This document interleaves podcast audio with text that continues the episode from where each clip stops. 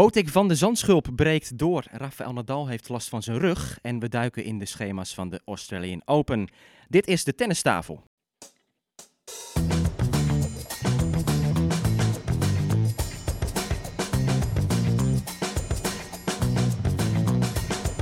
Please take your seats quickly, ladies and gentlemen.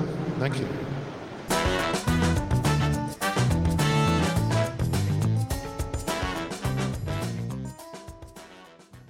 Ja, mannen, daar zitten we dan. Wij zijn nog net uh, veilig. Het is al wel koud aan het worden, maar ik denk als uh, de mensen dit gaan luisteren, dat waarschijnlijk de sneeuwvlokken al flink uh, om hen heen zijn gevallen. Um, het is zaterdag dat we deze podcast opnemen. We breken onze eigen regels een beetje, eh, niet elke maandag meer, maar omdat er een Grand Slam aankomt, wilden we al iets eerder opnemen met het bespreken van de schema's. Maar ja, omdat het code rood is, vanaf middernacht zitten we nu echt al op zaterdagmiddag hier bij, uh, ja, waar zitten we Stefan? Ja, we zitten bij Tennispark Duinvliet in de rand van Haarlem. En het enige rode tot nu toe is het gravel waar we op uitkijken. Ja.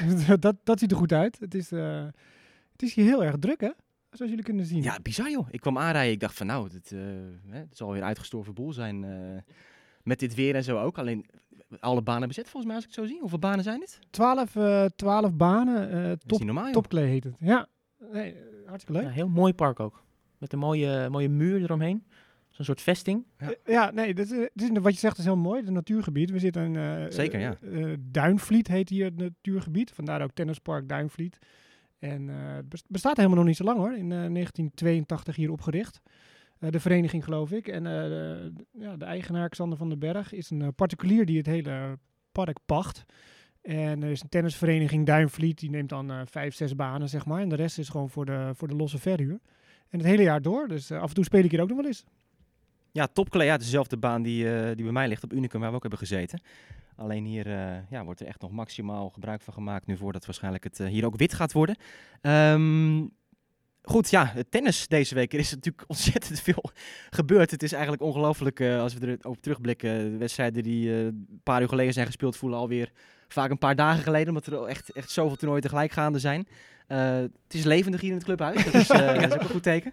Um, laten we beginnen met het nieuws natuurlijk um, voor ons deze week als Nederlanders zijn. De Botik van de Zandschulp wat een ongelofelijke week heeft hij neergezet.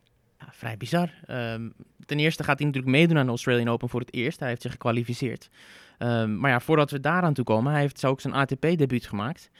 Uh, bij een van die, uh, van die drie ATP-toernooien die op dit moment nog gaande is. Uh, ik geloof dat de Jara... nee, nee, de Great Ocean Road Classic. Is dat, is dat een classic? Open. Open. Ja, ja de, de, verwarring is er een beetje, omdat je er zoveel... Je hebt een trophy, je hebt een classic, je ja. hebt een open. Ah, verschrikkelijk die naam, hè? Ja, nou ja, enerzijds... classic noemen het wel voor de eerste keer? Ja, dat weet ik ook, ook niet helemaal. weet ik ook niet. Het is op zich... De namen zijn... classic gewoon de komende 100 jaar. de namen, klassiek, klassiek toernooi, ja. Ja, de namen zijn wel verwarrend, maar ze hebben, het heeft een reden dat het zo heet. Want het is vernoemd naar die verschillende regio's die vorig jaar in die bosbranden getroffen waren. Ja, dat is mooi, klopt. Ja, dus dat is wel mooi bedacht. Maar ja, de verwarring is, uh, is, is wel zeker aanwezig. En, uh, en Botik die heeft dus in, in een van die toernooien uh, ja, meteen de kwartfinale gehaald door nou, dus de eerste en zijn tweede ATP-overwinning te boeken. En eigenlijk ook had hij die derde moeten boeken. Twee matchpoints tegen Twee matchpoints tegen Karin Gatchanov. Ja, ik vond het mooi, want hij zat twee weken in die harde quarantaine. Hè? Dat hij gewoon twee weken die 20 vierkante meter van zijn hotelkamer niet uit mocht. Echt gewoon een soort van alle energie gekanaliseerd om dan een uitbarsting te krijgen die dagen ja. daarna dat hij, dat hij de baan op kon. Ja, en, uh, van Opelka. Nee, hij heeft drie wedstrijden gewonnen. Ja, drie, ja. ja. Want je, je moest drie, van... drie, om de kwartfinale te halen moest je drie wedstrijden winnen. Het Opelka, groot, uh, hij had... schema. Je nog meer? Ja, had hij School Kate. Oh ja, tuurlijk. Trouwens, ik kreeg nog een berichtje vorige week. Want um, ik, ik had ook altijd al zo'n gevoel van, die, naam die kende ik ergens van. En, ja, Tristan Schoolkate. Maar het blijkt dus dat zijn, um, zijn vader uit Zeeland komt. Dat is, uh, dat is mijn provincie. En uh, ik, ik kreeg een berichtje van een, een oud clubgenoot in, uh, uit Oost-Soeburg. Die zei van, ja, dat jij die gast niet meer kent. Uh, je, je, hebt nog naast hem gespeeld. ik zeg, hè?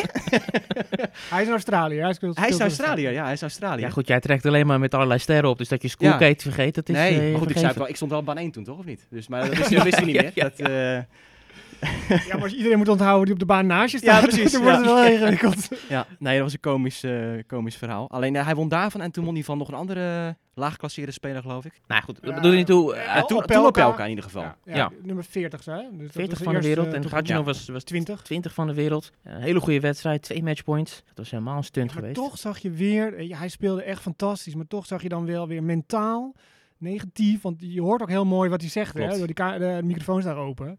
Het is toch wel weer negatief. En doen ik, kom op, je staat in Je je zag eerste- gelijk dat hij erin bleef hangen. Ja, terwijl je je eerste toernooi zo geweldig presteert. Alles is bonus om meegenomen wat je, wat je presteert, zeg maar. En dat, daar moet je echt aan werken. Ja, maar je, je- ik, ik vond het vooral op, opmerkelijk dat je... Kijk, een Gatjanov, het is ook een ultieme beuker. En hij- ik vond dat, dat Van de Zandschulp vaak in die rallies gewoon eh, misschien nog wel meer bepaalde dan, dan Gatjanov. In elk geval ging hij heel goed mee. En in het verleden, wat ik van Van de Zandschulp heb gezien, is er niet superveel geweest. Eh viel mij erg op dat hij heel vaak te laat was, juist met zijn voetwerk, een beetje lui. En, en dat was echt wel een verschil, vond ik nu al om te zien. eh. Ja, maar dat is eigenlijk het laatste jaar is dat echt enorm verbeterd. Want ik, ik heb veel wedstrijden van hem wel gezien, ook op de Challenger Tour. Zijn voetenwerk is echt vooruit te gaan. En zijn slagen, hij heeft power, zowel aan de voorhandkant als aan de backhandkant. En vergeet de service niet. Dus dat, dat heeft hij het altijd wel in zich. En nu is zijn voetenwerk ook wat meer op orde. Dus ja, Ja, de mentale kant moet hij, nog, eh, moet hij echt nog wel eh, Ja, verbeteren. los oogde hij ook. En die slagen, en soms zie je dat, dat als ze zenuwachtig zijn, eh, verkramping in de arm. Helemaal niks. Ook return winners af en toe eh, op die service van Gatjanov. Dus eh, echt indrukwekkend van wat ik heb gezien. Ja, ja, dat belooft wat, hè? Als hij deze vorm heeft volgende week. Nou ja, het leuke was ook dat natuurlijk, eh, als je als buitenlander die naam ziet staan, dan schrik je Ja. jezelf natuurlijk een hoedje. Eh, hé, wat moeten we daarmee? David, we zagen op social media al dat Ja. het behoorlijk werd opgepikt van eh, wie zit in één keer en eh, hoe moeten we in hemelsnaam die naam uitspreken? Ja, iedereen die maakt zich een beetje zorgen. Ieder- iedereen heeft het erover, maar zonder de naam te noemen, zo lijkt het. Ehm, dus ja, ik ben benieuwd als op een gegeven moment hè, de commentatoren eh, recht aan moeten hoe dat allemaal gaat klinken in het buitenland. Ja, was wel mooi. Moeder Toglu zei dat volgens mij. Hè? Echt, eh hey, Botik. Nou, ik weet niet hoe hij het zei, maar hij twitterde in ieder geval. Ja. Botik van de Zandschulp een naam om, eh, om op te gaan oefenen. Ja, ja, precies. En eh, voor de tennis insiders, die weten dat Brad Gilbert, dat is de man van de, de bijnamen altijd op, eh, op social media. Die verzint altijd van die, van die gekkigheid eh, dingen. En zat hij ook van, van de Zandschulp al een beetje te brainstormen. En dan had hij het over eh, Stevie Van Zandt, hè, dat eh, bekende acteur. Ja. En dan zonder T, want het is met, met Ja. Z- Zand, Z-A-N-D-T. Dus misschien dat dat de bijnaam wordt van, eh van Botik. Eh, ja, Stevie Van Zandt, van de Sopranos onder andere. Hè? Geweldige, Ja. Ja, geweldige Maar acteur. hij heeft natuurlijk wel een hele bijzondere naam. Zowel voornaam als achternaam is heel bijzonder. Tja, Ik heb ja. begrepen, als je Botik gewoon intypt op eh, Google, dan krijg je er maar één. Dat is Botik van de Zandschulp. Ja, en als je van de Zandschulp googelt, krijg je ook alleen maar één. ja. ja. ja, precies. Ja. Dus als je die combinatie hebt, ja, hits eh, gegarandeerd voor hem. Ja, ja, ja. Maar tussen Schuurs en Van de Zandschulp, die, eh, ja, die vreselijke Nederlandse klank, dat, eh, ja, dat is echt heel lastig voor de buitenlanders. Nu nog een ATP-trouw in Oegstgeest. ja, ja, ja, ja. En Duinvliet, hoe zou Ja. ze dat zeggen Ja. in Engels? Ja, precies. Ehm, ja, de Australian Open komt er dus aan ook voor Van der Zandschulp. En eh, zijn tegenstander daar, dat is voor, als we die naam uitspreken, Carlos Alcaraz. Dan ja, denken, oh, dat is een goede loting. Nooit van gehoord van, eh, van eh, die naam. Maar dat Mhm. is wel een, een, iemand die echt er op de radar staat. Hè? Een stuk jonger dan Van der Zandschulp. Maar wel een, eh, een, een Spaans toptalent. Kijk, je zou zeggen hij loopt een qualifier. Botik is zelf ook een qualifier. Nou, dat is prima. Maar de 17-jarige Spanjaard is echt een, een groot talent. En heeft een hele grote stap gezet vorig jaar. Hij is 350 plekken gestegen op de wereldranglijst in een jaar. Won drie Challenger toernooien. Wordt gecoacht door eh, Juan Carlos Ferrero. Eh, nou, die speelt echt geweldig. En dus dat echt een eh, harde dobber voor de Botik. Maar goed, best of five. Dat hebben ze allebei nog niet eh, volgens mij meegemaakt. Dus dat, eh, dat wordt wel een, een dingetje. Ehm, en ik zag dat Alcazar mocht trainen met... Alcaraz. Alcar- God, Denk ja. aan de gevangenis. Alcatraz, alleen die Ja, ja, trainers eruit precies. halen. Alcaraz mocht trainen met Rafa Nadal. Dus eh, ja, wat dat betreft heeft hij wel een goed trainingsmaatje gevonden. Dat en de aandachtige kijker van eh, de vele toernooien de afgelopen weken heeft ook misschien gezien hoe die Alcaraz David Goffin werkelijk eh, in tweeën heeft geslagen. 6-3, 6-3 van de baan geveegd. En Ja, het was een van de 4833 wedstrijden Ja, van deze week. ja. Maar die er sprong zijn, wel uit. er zijn zelfs te veel wedstrijden, daar kunnen we zo meteen misschien eh, wat van zeggen. Eh, maar ja, Goffin die reageerde zelf ook met, ja, ik ben gewoon totaal van de baan geblazen door deze jongen. Ja. 17 jaar, dus eh, ja. Maar dat gezegd hebbende, het blijft natuurlijk een goede loting. Laten we eerlijk zijn, dat is ja, heel erg kunnen ja, precies. Nou ja, weet ik niet. Nou Ja. Is het zo? Dit is wel de man in vorm, hè? nee, ook, nou ja, de man heeft Ja, ja, ook. Maar Robin Haase loopt nummer 28 geplaatst. Eh, eh Aranska Rusloot, eh, Roland Gros kampioen, hè? Ja, En, het had, is eh, wel een qualifier, laten we, hè? 17 Ja. jaar en die komt ook Hij net heeft ook nog nooit een Grand Slam gespeeld. En hij, Ja, hij voelt zich misschien de favoriet straks, die Alcaraz. Die zal toch ineens denken, hé, hey, wacht even. Dit is gewoon een goede loting en nu moet ik het ook laten zien. Zeker na winnen van Goffin. Meer belangstelling. Nee, de, de ogen staan wel wat meer op de, op die jonge Spanjaard eh, gericht. Er staat ook iets hoog op de, op de wereldranglijst, inderdaad. Eh, Dat is op het even. Misschien is de Spanjaard wel favoriet. Dus ja, ja dan is het, ja. Het, het komische is natuurlijk dat je het hebt over twee qualifiers. Maar die hebben dus afgelopen week een ATP-toernooi gespeeld. Wat je ook normaal nooit hebt. Normaal is het natuurlijk een kwalificatietoernooi, gelijk daarna de, het hoofdschema erachteraan. Maar dit, dit was natuurlijk al eh, halverwege januari gebeurd, voordat de hele quarantaineperiode ook aanbrak.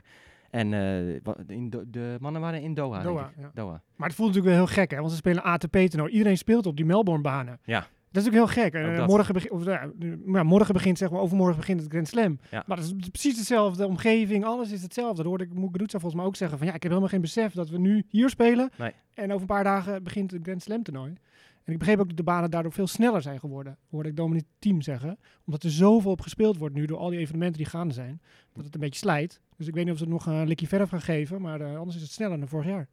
Ja, het was vorig jaar al een stukje sneller. Want vorig jaar kwam er een nieuw bedrijf om het aan te leggen. En die hebben dat eh, sneller gemaakt toen. Dat was een wens van de organisatie, eh, schijnt. Oh. Wat begint te lachen? Nee, want het is altijd eh, die, die discussies over die snelle banen. En dan hebben drie spelers hebben dat gezegd. En dan komen er een dag later vier spelers die zeggen... nou, volgens mij is het langzamer dan vorig jaar. en einde maar weet je het niet. Nu schijnt er wel een aardige consensus te zijn volgens mij eh, daarover. En, en zeker omdat ze... Ja, je hebt dus nu... Want het schijnt dus zo, wat je zegt eh, Stefan, het slijt. Dus waarschijnlijk de laatste dagen van het toernooi zal het daardoor nog extra eh, snel spelen. Dus, Ja, nou, misschien willen ze geen nachtwerk maken. Willen ze een beetje snelle partijen. Snel ja, ja, ja, ja, wie weet. Ehm, andere Nederlanders dan. Ik heb ze het al even genoemd natuurlijk. Eh Haase en Aranska Rus. Robin Haase als lucky loser ingekomen. Daarmee beginnen. eh, vervanger van Gasquet. En zoals gezegd, hij treft eh, Filip Krajinovic. En wat is dat voor een speler?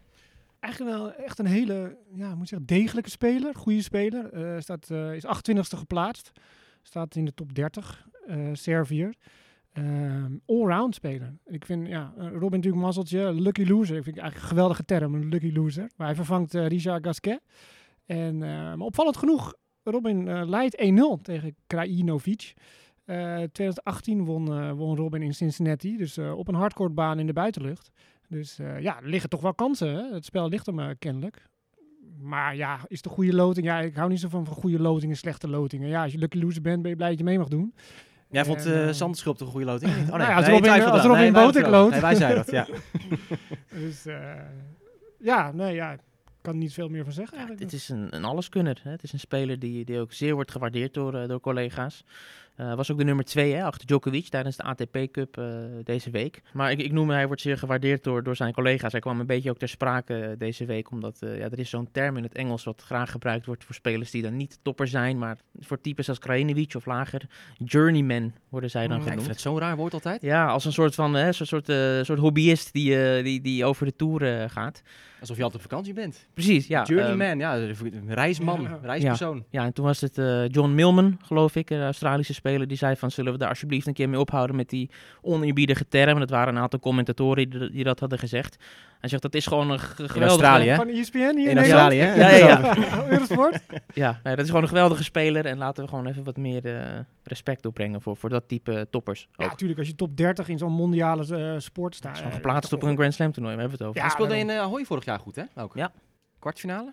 Halve? Eh, hij won van Tellen voor mij. Voor de eerste ronde. Ja, maar hij Eh, kwam ja, ver ja, toen. Ja, ja. Ja, ja wel een mooie speler hoor. Want eh, hij houdt ook wel van naar net te gaan en kan ook wel goed verdedigen. Ik wil alles wel. had een heel raar moment dat hij een wedstrijd had gewonnen en hij Oh, had gewonnen zijn racket zijn gooien. racket kapot sloeg. Of in, in het publiek gooien. Ja, ja, ja, ja, klopt. Ja, hij gooide zijn racket toen weg, ja. Ja, zeer opmerkelijk. Dat is wel een trend, hè, want ik zie Djokovic zag ook wel eens slopen zijn racket. Ik zag Kyrgios alweer een racket slopen. Ja. Eh, Zverev ook. Ja, dus het, is, eh, ik zou zeggen, iedereen heeft er weer zin in. Maar het is ook Ja. wel snel over, hè?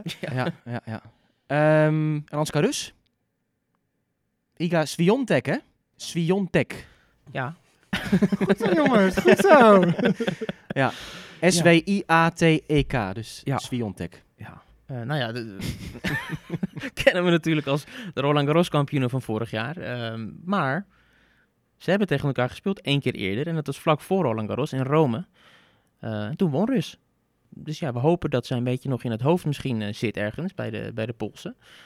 Hoe heet dat accent dan? Want je hebt het accent aigu, weet je wel, die Franse dingen. Hoe heet het in het Pools dan? Dat, het i'tje met een krulletje eronder, toch? Ja, ja, ja zoiets. Ietsje Of- met een krul- ah, ik weet niet, ja, ik heb geen idee hoe dat accent is. Oké. Swantek. ja, precies. Swantek. Dat is niet een A, maar een O. O. Wauw, wauw, wauw. Oké, Dus, ja. eh, nee, ja, goed, inderdaad. Het is 1-0 voor voor uh, Ranske dus. Dus een goede loting, jongens. 1-0 voor al. Dus, eh, nee, nee, die, die reist natuurlijk met vertrouwen af. Want het is de laatste Grand Slam wat gespeeld is. Heeft ze gewonnen. Eh Swantek. Dus, eh, maar goed, pas 19 jaar. Ik, ja, grillig misschien wel. Heel veel aandacht. De druk op haar. Dus ik denk dat er zeker Ranske Rus absoluut niet kansloos is. Ik, ik zie haar eigenlijk nog wel winnen. Zo goed speelt ze helemaal niet, eh Swantek nog. Ja, goed, als, als je uitgaat van Roland Garros en dat niveau wat ze daar haalde, dan Ja. is Rus natuurlijk kansloos. Maar daarover heeft ze zelf ook, eh Swiatek, gezegd eh, dat dat wel echt eh, buiten categorie niveau was van zichzelf. En dat dat eh, ja, niet, niet zeg maar het gemiddelde niveau is wat ze haalt. Dus om nu te zeggen dat zij een, een, een gevestigde naam is die op alle Grand Slams nu eh, per se Nou, ver ze- gaat komen, Ze is, is haalde niet wel zo. vierde ronde vorig jaar in Australië, Ja. Swantek. Dus op zich voelt ze zich daar wel goed. En dat was nog voor haar andere Grand Slam succes. Dus ja, Ja, en ze speelde ook heel goed bij de US Open eh, tegen Azarenka, kan ik me herinneren. Die wedstrijd die had ik toen ook eh, om van commentaar te voorzien. En als, ik weet, Azarenka zelf, die was ook na afloop helemaal van... Oh, ik heb zo genoten van die partij en het was zo leuk om tegen haar te spelen. Zo goed niveau. En, dus ze heeft al een soort constantheid neergezet vorig jaar. Het is niet dat die, die, die titel helemaal uit de lucht kwam vallen in Parijs. Alleen ik zit even te denken, heeft ze daarna nog een wedstrijd gespeeld überhaupt? Niet meer, niet meer die toernooien... ja, ja, in Dubai of zo. Wat was het nog? eh, heeft ze wel WK Abu Dhabi. gespeeld. Ja, ja, heeft ze gespeeld. maar Niet goed. Nou, weet ik even niet meer. Ja. Ja.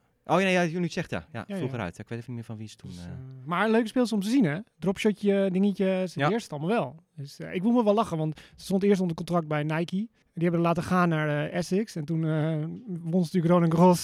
dus dat is wel pijnlijk voor Nike om zo iemand dan te laten gaan, hè? Ja.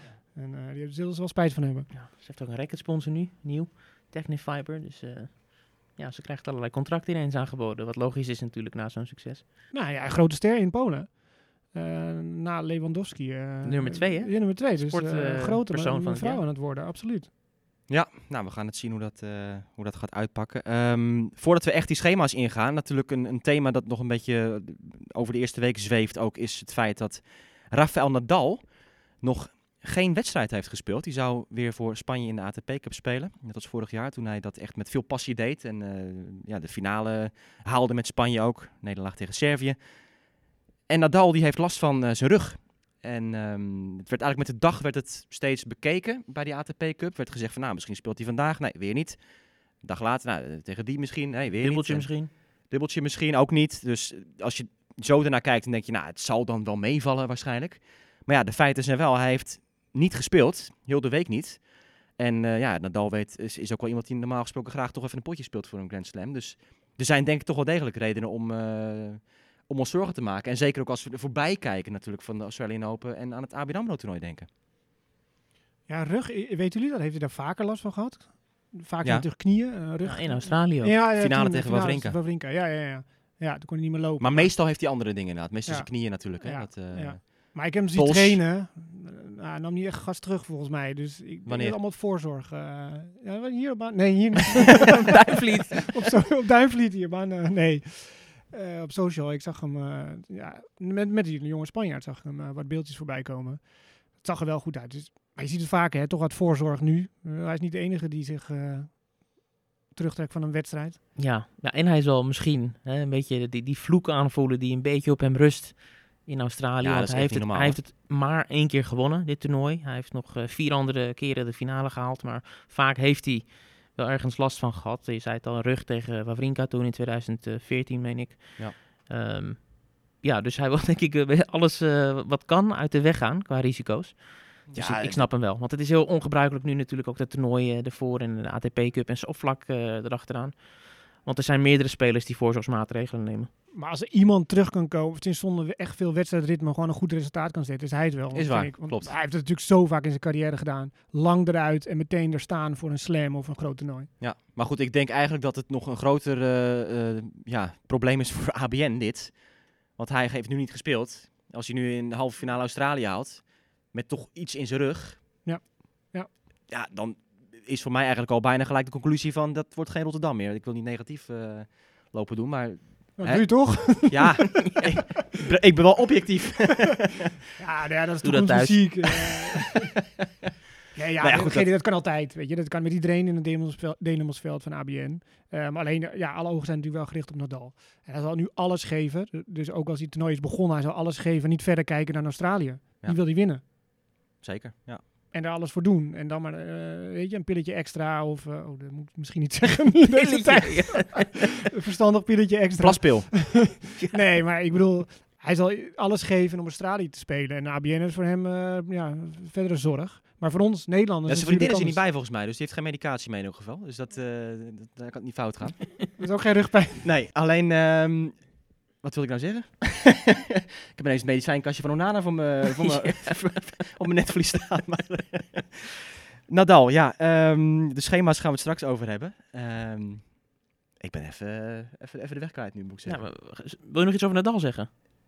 Ja, ik had nog iets in Je had over Rotterdam. het Ah, daar komen we op Toen terug. zeiden wij niet de pret bederven. Ja. En toen raakte hij van slag. Ja, ja, over een Ja. pilletje. pilletje. Mij de triggerwoord om, eh, om ineens eh, over de slag te gaan. Alleen, ehm, ja, nou ja, goed. Laten we het over, eh, over de vrouwen hebben als eerste van, eh, van de speelschema's. Goed idee? Ja, Ja. prima. Ja? Oké. Ja. Want daar is het, eh, ja, eigenlijk zoals we gewend zijn de laatste jaren, de meeste wedstrijden, de meeste eh ja, speelsters die eruit springen, mogelijkheden. De, de- David, als we kijken naar de bovenste speelhelft, bijvoorbeeld Ashley Barty, nummer 1 geplaatst, daar kunnen we gelijk een groot vraagteken omheen zetten. Eh, nauwelijks meer gespeeld, eh, maar deze week wel in de finale. En dat is natuurlijk ook een, een groot verhaal uit de eerste week, dat we een Barty tegen Serena zouden krijgen in de halve finale van eh, een van de drie voorbereidingstoernooien. En eh, ja, dat ging niet door. Dat ging niet door. Serena die eh, trok zich terug nadat ze zich had geplaatst voor die wedstrijd. Ze had gewoon een goede wedstrijd gespeeld, gewonnen. En ze zei in het onkort interview nog, ik voel me geweldig. en enkele uren daarna, ja, schouderprobleem. Waardoor ze dus niet eh, een risico wil nemen. Daar zijn ze op zich best wel open. Het is niet dat ze verhullen van, eh, hè, we willen gewoon niet spelen. Ze weten gewoon, we moeten fit zijn voor de Australian Open. Dus dan, eh, Ja, deze kon je invullen, toch? ja. Ja. Serena moest nog drie wedstrijden spelen Ja. in drie dagen met, met op maandag de Australian Open die gelijk erachteraan begint. Dat, dat ging ze natuurlijk nooit meer doen. Nee. Osaka ook toch? eh walkover Ja. gegeven. Osaka, Azarenka. Ja, je ziet het allemaal. Maar Maar ja, al voor de eerste bal geslagen van de week. ja, nee, ja. Maar goed, die moet even rustig aan doen natuurlijk na al die tijd. Die, eh, Maar die finale gaat nog wel door, hè? Barty, eh, toch? Of, eh, Ja. Ja, want een andere finale wordt helemaal niet gespeeld. de Ja. Grampians Trophy. Ik moet steeds aan de Ja, dat, bedoel ik net te zeggen. Er zijn te veel wedstrijden, dus Ja. er moeten er een paar geschrapt worden. Dus de finale is gewoon. eh Maar die geannuleerd. halve finales worden wel gespeeld. Ja, en dan de, de winnaars van de halve finales die mogen dan de hoofdprijs Halve verdelen. finale is morgen. En dan de finale gaat daar niet meer door van dat toernooi. Ja. Want dat is het toernooi, dat, dat is de, de Hard eh, Ja. Quarantine Cup werd het ook wel genoemd. Die 27 WTA-speelsters die ehm, in een harde quarantaine zaten, waar het speciale toernooi nog voor was opgericht. En eh, ja, dat gaat dus geen ontknoping krijgen, eh, gek genoeg. Maar we moeten dat toch even uitleggen, want van de week, er is dus een dag geweest dat er niet werd gespeeld. En ik weet niet hoe het met jullie zit, maar dat was wel even schrikken natuurlijk. Eén positief geval dat er werd ontdekt. En een paar dagen ervoor was het nog het nieuws in Perth dat er één positief geval was. Moest de hele stad in lockdown. Vijf dagen. Dus het is maar goed dat Melbourne dat niet heeft, eh, heeft gedaan. Maar ja, David, wat, eh, wat, eh, hoe was de ingreep toen? Ja, het was een bewaker, hè, voor de duidelijkheid, van een van de hotels die eh, positief was getest. En toen eh, hebben ze dus alle wedstrijden voor de dag nadat dat bekend werd eruit gegooid. En hebben ze alle eh, spelers en betrokkenen bij tennis hebben ze gewoon extra getest. En daarvoor hebben ze dus een hele dag uitgetrokken. Ik geloof in totaal ging het om 507 mensen die, die nog een keer getest moesten worden. En per se allemaal negatief moesten zijn voordat eh, de boel weer op, op groen licht kon. En, ja, dat is gebeurd. Ja, Kort dus iedereen die in, in de Grand Hyatt zat. eh, Ja, dat grote dus, hotel, dus ja, daarvoor eh, werden alle wedstrijden stilgelegd voor één dag. En, en iedereen gewoon nog een keer door de, door de molen. En eh, nou, allemaal goed gegaan. Gelukkig, Bijzonder eh, genoeg. gelukkig groen Voor iedereen. Ja. Ja. Oké, dat was eh, lijn 1 van 128. Uit het eh, vrouwenenkelspeltoernooi. Nee, Serena had je ook. Ja, Serena hebben we ook wel eh, afgedekt inderdaad. eh. maar even, als we een beetje uitzoomen dan, dan, eh, en in grote lijnen kijken naar, naar het, de loting bij de vrouwen, dan zien we vooral dat onderin, waar Aranska Rus ook zit, ja, dat daar echt eh, veel zwaargewichten zitten. hè? David, gaat het lijstje maar even af. Ja. Eh, nou, als we gaan onderaan beginnen, dat is misschien het eh, meest logisch. Eh, tweede geplaatst Simona Halep. Eh, die staat eh, in de buurt van eh Swiatek en Rus. Heeft ook een rugblessure, hè? Simone Halep. Ja, nou, Ja, en die Ja. verloor met 6-1, 6-2 ook ja, eh, van om- de deze vanwege die Ja, eh, rugblessure. van Alexandrova. Ja. Ja. Eh, Serena in dat eh, gedeelte ook, met Sabalenka. En daar hebben we het eerder over gehad in de voorgaande afleveringen. Die weet weer wat verliezen is. Die weet weer wat verliezen is. En, en, en het is wel grappig, daar werd, eh, ik geloof op Twitter zei iemand dat. Dat Sabalenka die heeft de behandeling gekregen die, waar elke wereldtopper hè, één keer door moet eh, gaan. En dat is verliezen van Kaya Kanepi. Nou ja, dat is bizar. Want ik had dus die eerste wedstrijd van de week bij ESPN. Kanepi tegen Astra Sharma. Eh, ja, een beetje... Zo, lekker. ja, dat, ja, drie uur s'nachts. was- dat zei- Die, die opmerking maakte ik ook daar, ja. Shawarma drie uur s'nachts, zijn we gewend. maar ehm eh, 6-1-5, die stond ze achter. En ze won, ze won die wedstrijd nog. En nou ja, goed, in één keer kwam ze, kwam ze helemaal los. Winste was Sabalenka, die 15 partijen ongeslagen was volgens mij uit mijn hoofd. Eh, Abu Dhabi gewonnen begin deze maand. En eh, ja, die staat nu in de finale daar. Eerste finale in acht jaar tijd voor, eh voor Kaya Kanepi. Maar ja... Nou, maar ik bedoel dus, dat te zeggen, want zij staat er bekend omdat ze van grote namen wint. Dus de Sabalenka die heeft het nu ook een keer eh, meegemaakt. Ehm, verder, Osaka als derde geplaatst. Daar eh, in, het, in het tweede gedeelte van het schema. Dichtbij Muguruza. En die Zo, staat, die is eh, in vorm. Die staat te spelen. Die heeft de finale gehad. Die heeft niet meer dan twee games per set verloren. Ja, niet normaal. Ze Ik heeft deed ook een vandaag prachtig- verslag bij eh haar partij tegen Von, van Drosova. Want die U spreek je niet uit. Ook weer, ook weer zo'n dingetje. Ehm, en die eh 6-1-6-0. Niks op af te dingen. Ja, en Kane eraf. Was het Kane eraf, 2 en 2 2. of zo? Ja. Ja. Herhaling van de Australian Open finale van vorig jaar was dat. inderdaad. Ja, Kerber overigens ook in dat gedeelte. Voormalig kampioenen natuurlijk. Nou, die staat niet geweldig te spelen. Maar Muguruza Kerber, mocht het zover komen, dat is wat mij betreft eh, een van de mooiste matchups gewoon qua tennis eh, wat je kan hebben in het vrouwentennis. Dat zijn altijd geweldige wedstrijden. Ehm, als we dan weer een stukje naar boven gaan, Kvitova, eh Andrescu zitten vrij bij. Zit daar nog tussen. Venus zit er nog tussen. Ja, Eh, dus allemaal in, in de onderste helft. Andrescu, Venus Williams, Kvitova, Muguruza, Kerber, Osaka, Sabalenka, Serena Williams, nou, Swiatek, Ribakina, dat vind ik zelf nog Ja. gevaarlijk. eh, Simona Halep. Ja, dat is echt een, eh, echt een mega en lijn. Rus. En Alanska Rus, die mag daar eh, doorheen zien te komen. Kostjuk. Blijf ik noemen Wie is dat? elke, elke aflevering. Marta Kostjuk. Ja, we hebben nu eh, een heel jaar met Jastremska en Abe gehad. En nu wordt Stefan en Kostjuk. Oekraïnse damestennis, het is toch, eh, heeft iets bijzonders op de een of andere manier. Ehm, bovenin, wie hebben we dan over? Nou ja, Barty dus inderdaad al genoemd. eh, Svitolina, Sakari, Azarenka, Brady, Kenin, Pliskova, Bencic. Dat zijn een beetje de... Mag ik daar nog een naam noemen? Nou, doe dat. Francesca Jones. Oh, Ja. Zeg je misschien... eh, de, de, ja, dat, is, eh, wel dat wat. is echt een, een, een maar heel een apart, apart verhaal. Ja. Eh, qualifier. eh, heeft geloof ik zeven tenen en eh, acht vingers. Eh, Brits meisje. Ja, echt geweldig. En eh, het is moeilijk, eh, moeilijk tennis, hè? Met, met een vinger eh, aan elke hand minder. En minder tenen voor je balans en zo. Maar ook haar hele lichaam daardoor is fragieler geworden. En ze heeft altijd eh, tegenwerking gehad. Ja, je gaat het nooit halen en dit en dat. Maar ze was zo sterk van, nou, ik zal je bewijzen dat het kan. En eh, dat vind ik heel knap.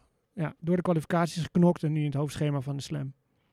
Francisca Jones. Speelt tegen eh, Shelby Rogers. Ook wel een, eh, een gevaarlijke speelster. Ja, Victoria Azarenka, dat, eh, dat, dat is mijn, eh, was mijn voorspelling. Hè? Nummer 1 van de wereld dit jaar. Je had Sabalenka, Stefan. Wie had jij ook weer, David? Osaka. Ja. Dus ehm, ja, dat, eh Azarenka tegen Pegula.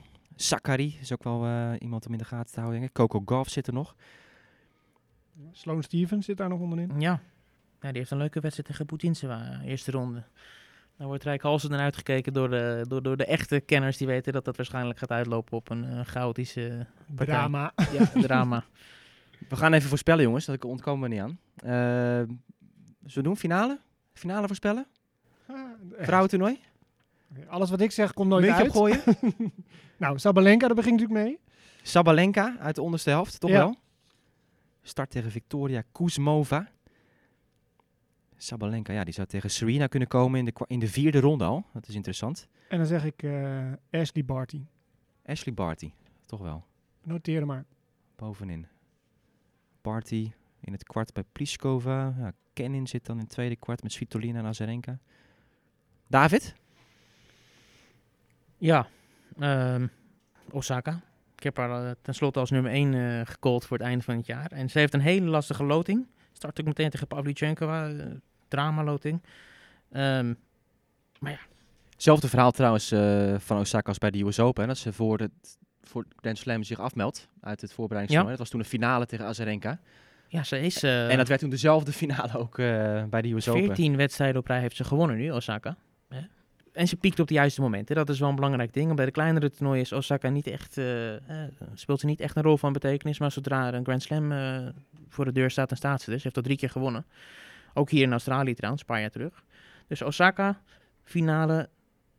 En dan aan de andere kant, twijfel tussen Azarenka en Barty. En dan ga ik voor, ehm voor Barty, omdat ik heel weinig nog van Azarenka heb eh, gezien. Dus ik weet niet echt wat voor vorm ze heeft. Barty, die staat prima te spelen. Correctie, Muguruza. ja, ik was Maar even... dat kan niet meer. Ja, dat kan Waar wel. zit die? je bed gesplaced. Toch? Muguruza zit bovenin. Oh, die zit bovenin. Oh, Ja, nee. ja, ja. nee, die zit bij Osaka. Rienne Verplu, kan niet meer. Ja, maar dan, dan heb ik dus twee mensen Oh, uit dezelfde... Maar jij, dat gaat kan niet, ook nee, maar jij gaat je nummer 1 voorspelling. eh, Dus eh, je zegt Muguruza gaat verder komen dan Osaka dit Nee, nee, nee. Ik dacht dat Mu- Muguruza aan die andere kant zat. jongen, jongen. Het, het Nee, nee. is, eh, Voorbereiding. Osaka. je hebt je koffie erop? Ja. Osaka tegen, tegen Party. Oké, punt. Osa- Osaka tegen Ja, Barty. Abe? Ja, Azarenka natuurlijk, hè. En die gaat eh, spelen tegen... eh Poeh. Osaka. Azarenka. eh, US Open finale nog een keer, gewoon. Dat, eh En- hey, jongens, Serena? Hebben we gezegd dat Azarenka tweevoudig kampioen is in Australië? Nee, Nou, bij die deze. kampioen over twee weken. ja, ja. Ja. Nee, ja, zeker. Dat is haar Grand Slam toernooi. 2011 en 12 volgens mij, hè. Echt, echt al, 12 en eh, 13. Of 12 en 13, ja. Lang geleden. En dat was ook de basis voor haar dat zij nummer 1 van de wereld werd eh, toen. En nou ja, goed. eh, ze heeft al in die harde quarantaine gezeten, ook Azarenka. Maar heeft zich volgens mij ook meer het voorzorg weer afgemeld eh, een paar dagen terug. Eh, of vandaag voor eh, zaterdag. voor die kwartfinale. Hé, hey, maar Serena, die moeten we toch even uitlichten. Want Ja. eh, die noemen we allemaal niet. Eh, waarom niet? Omdat ze in de derde ronde verliest van Sabalenka. Ik Ja? denk dat uh, Sabalenka. Serena wint Serena. Hebben jullie Serena zien spelen afgelopen week? Ja, dat is prima. Ziet Goed. er wel redelijk fit uit, hè? ja, serveert ook goed. Beweegt eh, prima. eh, ja. ja, goed. Ik, ik noemde niet... eh, Wel wat het- setjes verloren. Van Ja, minder hoog geplaatste speelsters. Daniel Collins. ja. Maar goed, Serena gaat natuurlijk weer voor haar 24e Grand Slam titel. Hè. Dus de, de, om, aan te geven wat de, de stakes zijn op dit moment. dat is al een aantal keer... Heeft ze de finale gehaald eh, en heeft ze in de positie gestaan om dat 24e slam eh, te winnen. Steeds niet gelukt. In de finale de laatste paar jaren eh, gaat steeds grandioos mis. Maar ja, staat ze nu beter te spelen, zo'n toernooi ingaand, dan bij die vorige keren? De laatste Ja, ik- jaren? Volgens mij kan je dat is nooit echt moeilijk te zeggen. Dat, eh, ja, Het, ik vind het wel moeilijk, want je zou, in principe zou je zeggen, iedereen is fris, weet je, eh, lang niet gespeeld, eh, quarantaine geweest, veel getraind, dus iedereen, maar aan de andere kant is iedereen ook heel blessuregevoelig op dit moment, omdat je die competitie heel lang niet hebt, zo hebt gehad, die belasting. En eh Serena is natuurlijk ook wel blessuregevoelig, dus met die schouder, we gaan het zien, dus, dus ja, het is heel lastig te voorspellen, eh, sowieso, maar nu helemaal denk ik. Tegen wie speelt Sorana Kirstea eigenlijk? Tegen zichzelf? Ja, ik, ik weet niet hoe zij zich gaat voorbereiden op die wedstrijd.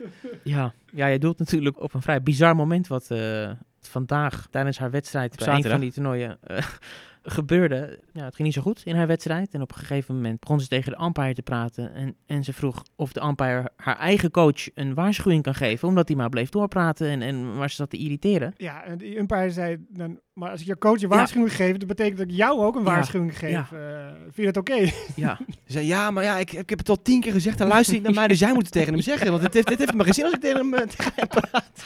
Ja. Het is ongelooflijk. ja. Jongen, jongen. Ja, het zijn unieke, unieke beelden. Even kijken, ze moet tegen een landgenote zie ik trouwens. Patricia Maria Tiek. Dus Ja. dat nog even voor, eh, voor de Ja, feitjes. fijn dat we het weten. Ja. Ja. ja, ik wil nog één algemene opmerking maken. Dat ik toch altijd wel... Ja, die, die, die, gewoon die Grand Slam draws bij de vrouwen, dat, eh, waar we mee begonnen, dat er zoveel interessants uitspringt. En dat het al zoveel jaren eigenlijk natuurlijk qua spanning interessanter is dan, dan bij de mannen. Zeker de eerste week kan het al, eh, de eerste paar rondes kan het al heel spannend zijn, eh, inderdaad. Je weet De top echt is niet wat er gaat Nee, gebeuren. nee, en nu, nee. weet je, nu voorspellen we ook, maar ja, we- eigenlijk doen we, doen we maar wat, volgens mij met Ja, allen. en we hebben het niet eens over Andrescu gehad, bijvoorbeeld. Speelster die haar laatste Grand Slam toernooi waar ze aan meedeed ook gewonnen heeft. Er zijn zoveel Grand Slam Ja, dat was in 2019. Die heeft, echt Ja. gewoon, die heeft geen enkele wedstrijd gespeeld vorig Nee. jaar. Nee. Maar toen ze nog wel speelde, won ze alles wat ze speelde. Kortom, we gaan eh, naar de mannen en dat gaan we dus met heel veel gemak voorspellen. Ehm Stefan, eh, bovenin natuurlijk Novak Djokovic, nummer 1 geplaatst. Ja. En ehm, die gaat beginnen tegen Jeremy Chardy. Wie heeft hij allemaal in zijn helft zitten? Ik zie Zverev in zijn kwart. Ik zie het tweede kwart aangevoerd door Team en Schwartzman. Ik zie Ogier Aliassim, Shapovalov, Gael Monfils, Milos Raonic, Stan Wawrinka. Nou ja, Wawrinka en Djokovic. Mogelijke vierde ronde. En dat is in eh, Melbourne in het verleden natuurlijk vaak echt eh, vuurwerk geweest. Een paar legendarische vijfzetters achter elkaar. Wawrinka die ook een keer daar eh, van Djokovic won. In zo'n vijfde set. Ja, Djokovic, bovenste helft. ehm, dat is natuurlijk de topfavoriet. Om maar het eh, grootste understatement van deze aflevering erin te gooien. Ja. Ja, wat, Ja. Wat, wat, wat Wimbledon voor Federer is en wat, eh, wat Roland Garros van Nadal is, is, is, is de Australian Open voor Djokovic. Laten we eerlijk zijn. Acht keer gewonnen, recordkampioen. Ja, ik kijk eigenlijk meteen waar zit Dominic Thiem. Mhm. Nummer drie geplaatst. Hè. Vroeger keek je waar zit Roger Federer. Zit hij bij Nadal in de helft of zit hij bij Djokovic in de helft? Nou, het team zit bij eh, Djokovic in de helft. Dus dat kan een halve finale worden, wat vorig jaar de finale was. Maar ja, dat zit Medvedev bij eh, in de andere helft. Vind je dat een verschil echt aan uitmaken, team boven Medvedev? Omdat je zo specifiek team noemt? Ehm, Ja, ik denk op Grand Slam niveau nog wel. Oké. Ja, qua fitheid straks ook. eh, En, en ja, ervaring natuurlijk die het team heeft met het winnen van de US Open. En meerdere finales gespeeld heeft al in Roland Garros. Zie ik hem toch nog wel eh, boven Medvedev staan, ja. Eh, David, sluit je, sluit je erbij aan? Eh, bij de- het team versus Medvedev eh, qua favorieten. Ja? Misschien onder normale omstandigheden wel, maar als we naar de huidige vorm kijken van eh Medvedev. Die is eh, eigenlijk net als Osaka bezig aan een geweldige winstreeks. Die heeft vorig jaar aan het einde en Parijs gewonnen en de ATP Finals gewonnen. En staat nu in die ATP Cup in de finale met Rusland. Een van team gewonnen. En die staat nu dus op dit moment eh, voorafgaand aan, aan het toernooi heel goed te spelen. Ja, hij heeft, een, hij, hij heeft gewoon een hele sterke reeks neergezet. Ja, oké. Nou, ik wil nog even over de bovenste helft doorgaan. Ja, nee, Eh, want we zitten nu al in een halve finale eh, vibe en zo. Maar laten we eerst een paar, eh, paar rondes even doornemen. Wie zit Nee, er nog zeker. meer inderdaad? Want ik zie eh Dimitrov Silic, eerste ronde. Nou, mooi affiche, absoluut. Eh ah, Nishikori Cilic Beetje over, hè? Lijkt wel... blijft een eh, grote naam. En eh, ga maar drie sets van hem winnen, hè, met die goede serves en zo. Ja, buiten de top 40 nu. Ik zag hem van de week tegen Ja. Chardy ook. Ja, maar het is toch een nieuwe start, nieuw jaar? Nee, van Nou de ja, week- voor hem niet blijkbaar. ja, dat Ja, was... hij, heeft, hij heeft niet zo heel lang geleden nog in de finale gestaan, hè? 18 toch? 2018 stond Ja. in de finale. Ja, ja, ja, ja. Nishikori, Pablo Carrena Busta. Mooie eh, Oh, eerste ronde. Een paar Carreño. jaar geleden. Carreño.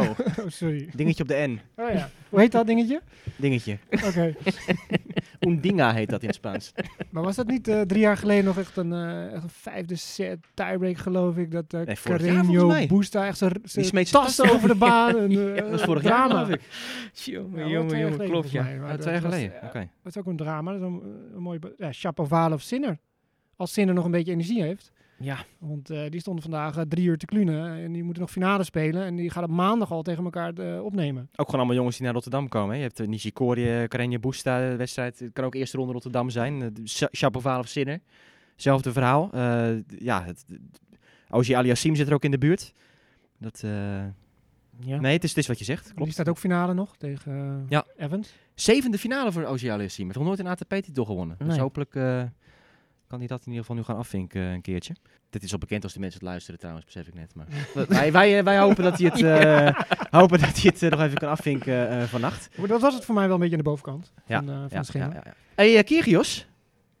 Oh ja. Die staat, staat er ook gewoon even team, tussen. Team zou een eventuele derde ronde kunnen zijn.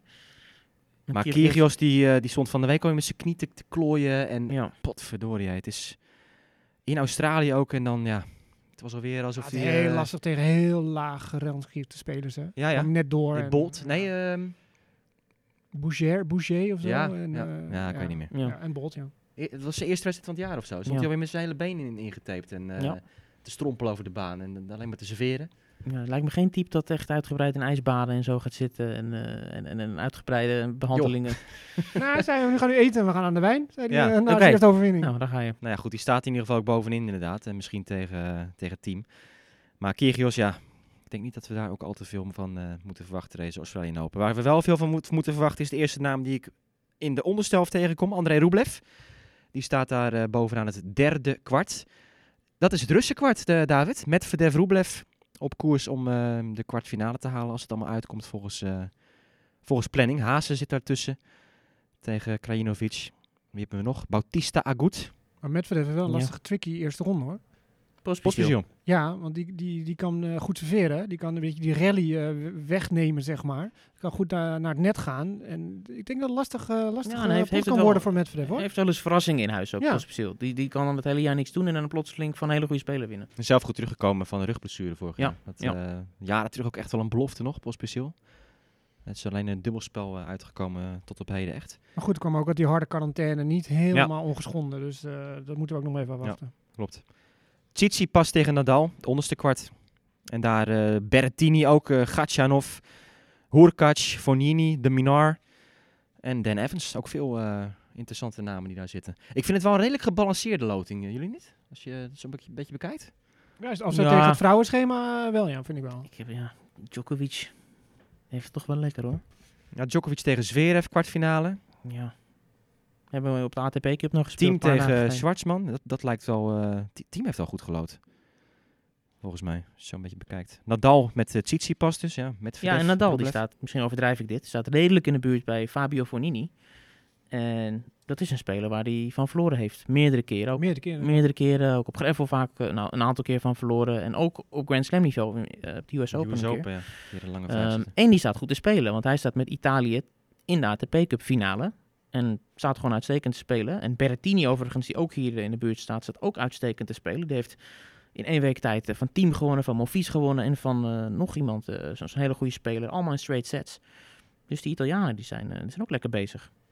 Ja, en Fonini geopereerd aan beide, beide voeten, enkels geloof ik, eh, vorig jaar. Ja. Dus eh, die moet weer als nieuw bewegen. maar eh, ik kijk altijd een beetje van wa- wat voor type spelers zitten nou in de helft van Nadal. Zijn allemaal van die baseliners en zo. Weet je, wie kan Nadal aan? En Fonini is misschien met zijn backhand naar die linkshandige voorhand. eh, inderdaad is het bewezen dat hij hem aan kan. Maar verder denk ik dat ja, Nadal wel in het toernooi kan gaan groeien, als ik het zo zie. Zullen we eventjes eh Medvedev nog even uitlichten, David? Jij wilde daar nog meer over vertellen, toch? We hebben net een eh, magazines liggen voor ons. Het nieuwe Ja. tennismagazine hebben we weer aangewerkt met z'n met z'n drieën. En Jon Vispe nou ook daar nog bij. En dat is net verschenen met op de cover. Hij belt. Hallo. Ehm Daniel Medvedev op de cover. En wat staat erbij, Stefan? Ja, het mysterie Medvedev. Het mysterie Medvedev. Jongen, jongen. Leg uit. Mag ik het doen? Ja, bent de hoofdredacteur. Ah, oké. Oh ja, ja, klopt. ja. Eh, nou, we hebben John van Lottom gevraagd om eh, het mysterie Medvedev eens eh, te gaan ontrafelen. En dat blijkt best wel lastig te zijn. Zowel zijn spel als zijn persoonlijkheid. Eh, nou, laten we, laat ik even beginnen met zijn spel. Eh, hij, kan- hij kan alles op de baan en hij kan, ook- hij kan ook heel goed aanpassen op de baan. Weet je? Hij kan op de baseline staan, hij kan drie meter erachter staan, hij kan eh, naar voren, hij kan, hij kan tempo eh, versnellen, hij kan vertragen. Hij is vrij lang. Hij kan niet op gravel tennissen. Nee, dat is het enige. Maar dat, dat doen we deze week. Nou, hier wel, maar, Maar dat doen ja, we naar dat, straat. dat is er ook weer zo. Hij kan niet op gravel tennissen, maar hij heeft wel een keer van Djokovic gewoon op gravel. Typisch. Mysterie Medvedev. Monte Carlo. Oh ja. Ja, nee, Ja. absoluut. Maar hij heeft natuurlijk zo'n zo'n aparte techniek. Staat heel vlak met die backhand. Dus zijn timing moet perfect zijn. Ja, op gravel, die bal stijgt natuurlijk even wat anders. Maar hier op het hardcore met het ritme. Ja, hij speelt ook fantastisch. Maar hij speelt zo lekker zo ongedwongen. Ziet er alleen niet uit. Nee, hij gooit die bal op, geeft hem een ram en we gaan, eh, we gaan beginnen. Maar, eh, en hij is vrij snel, vind ik, van zijn lengte. En dat Ja. heeft Rublev ook gezegd, hè. Ja, had ik maar die snelheid van die Medvedev. Klopt. En die Medvedev is gewoon nog langer dan eh, Rublev. Ja, klopt ja. Ja, maar de manier waarop hij dat zei was ook heel grappig. Hè? Dat was in die documentaire waar jij het vorige keer eh, over had, Ja, in de vorige aflevering. En die interviewer die zei, eh, ja, wat zou je graag van iemand anders willen hebben of iets in die trant? En toen zei hij de snelheid van Medvedev. En dacht, snelheid van Medvedev? Ja, natuurlijk de snelheid van Medvedev. Zo helemaal verbijsterd van, ja, die is die twee keer zo snel als ik. Nou, dat was leuk, want eh, ze hadden het allemaal over anekdotes ook. Dat ze, dat ze echt als, als kinderen al tegen elkaar speelden. en, ja. en dan was het van, dan, dan begonnen ze een punt, weet je wel, Rublev en, en Medvedev. En dan, dan wisten ze al van eh, 80 keer een lop heen en weer. Ja, dat duurde dan minuten voordat zo'n punt klaar was. En dan speelden ze 3,5 uur voor eh, twee verkorte setjes of zoiets. Iets in die richting. Ja, maar tussen de punten duur, door duurde het ook heel lang. Want we begonnen altijd wel in te huilen. Ja, ja, ja. Ja. Ja. Ja, als we er nu toch over een Russisch zijpad hebben, dan moeten we eventjes heel snel eh, melden wat we hier op tafel hebben liggen. Oh jee. Ik was jarig een paar dagen geleden. En ik heb toen Hoe eh oud ben je geworden? 30. Wat Ja. me.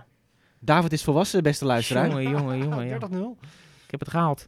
Eh, maar ik heb van mijn vader heb ik een, eh, een encyclopedie van het Russische tennis gekregen. En dat heeft, eh, zie ik nu, dezelfde kleuren als eh, ons logo van de tennistafel. Zo en het, het green and gold, hè? Van Ja, de Australiërs. Dat dus is dat de is heel mooi. eh outfit. prachtig, prachtig boek. Ja, daar gaan we even een fotootje van nemen voor de socials.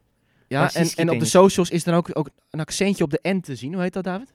Dat weet ik niet, maar dat, Oh. is, dat is een soort ingeslikte i. Ingeslikte I. Ja, Oh ja. Raciski. Ik vind het meer een uitgespuugde C, als ik het zo zie.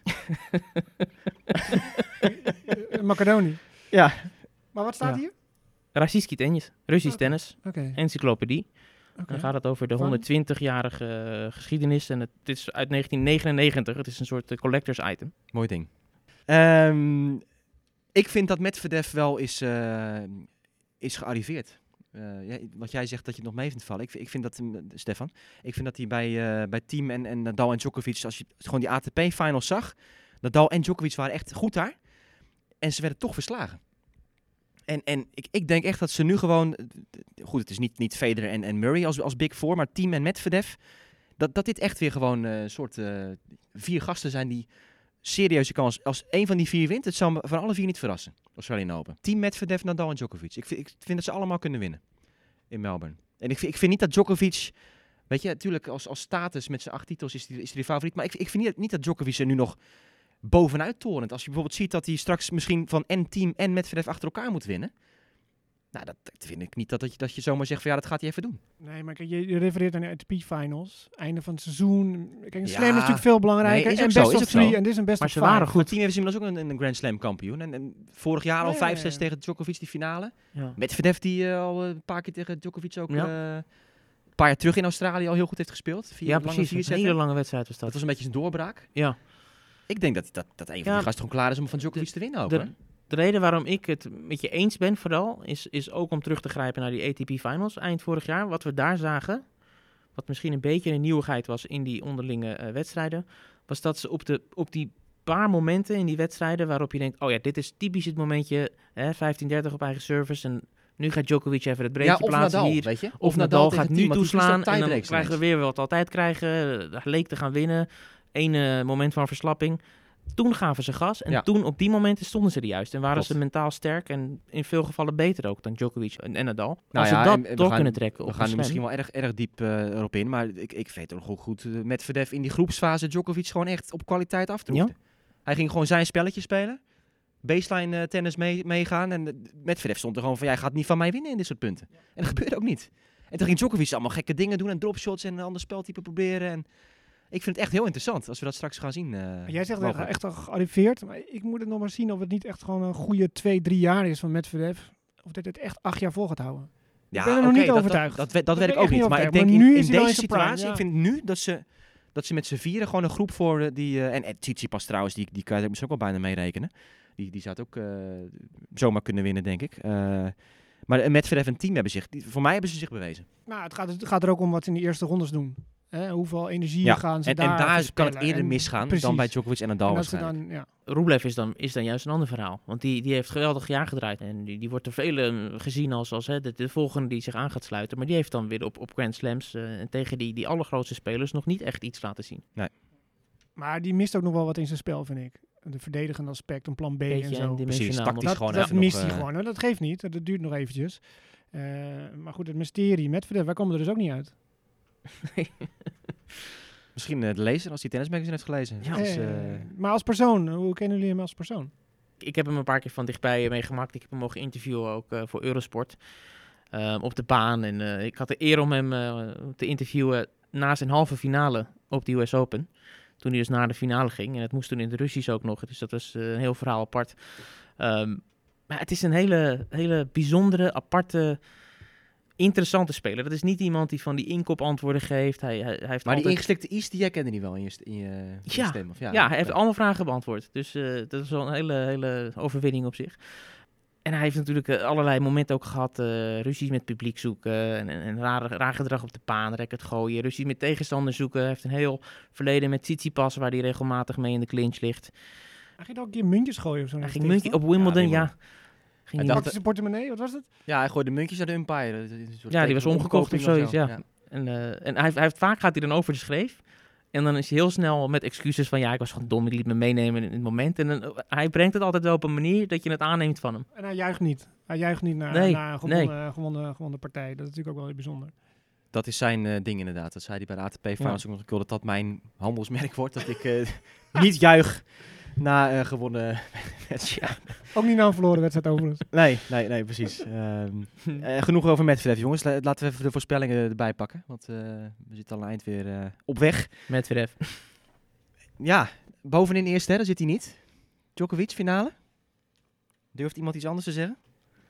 Ik, Waar is eh, mijn... eh, oh, hier. ik ga gewoon voor, eh, bij deze, voor Djokovic en Medvedev. Djokovic, Medvedev. Ehm, Djokovic. Ja, ik- ja. Nadal? Ja, zo lullig om Tsitsipas? te- nee, Berrettini? ja.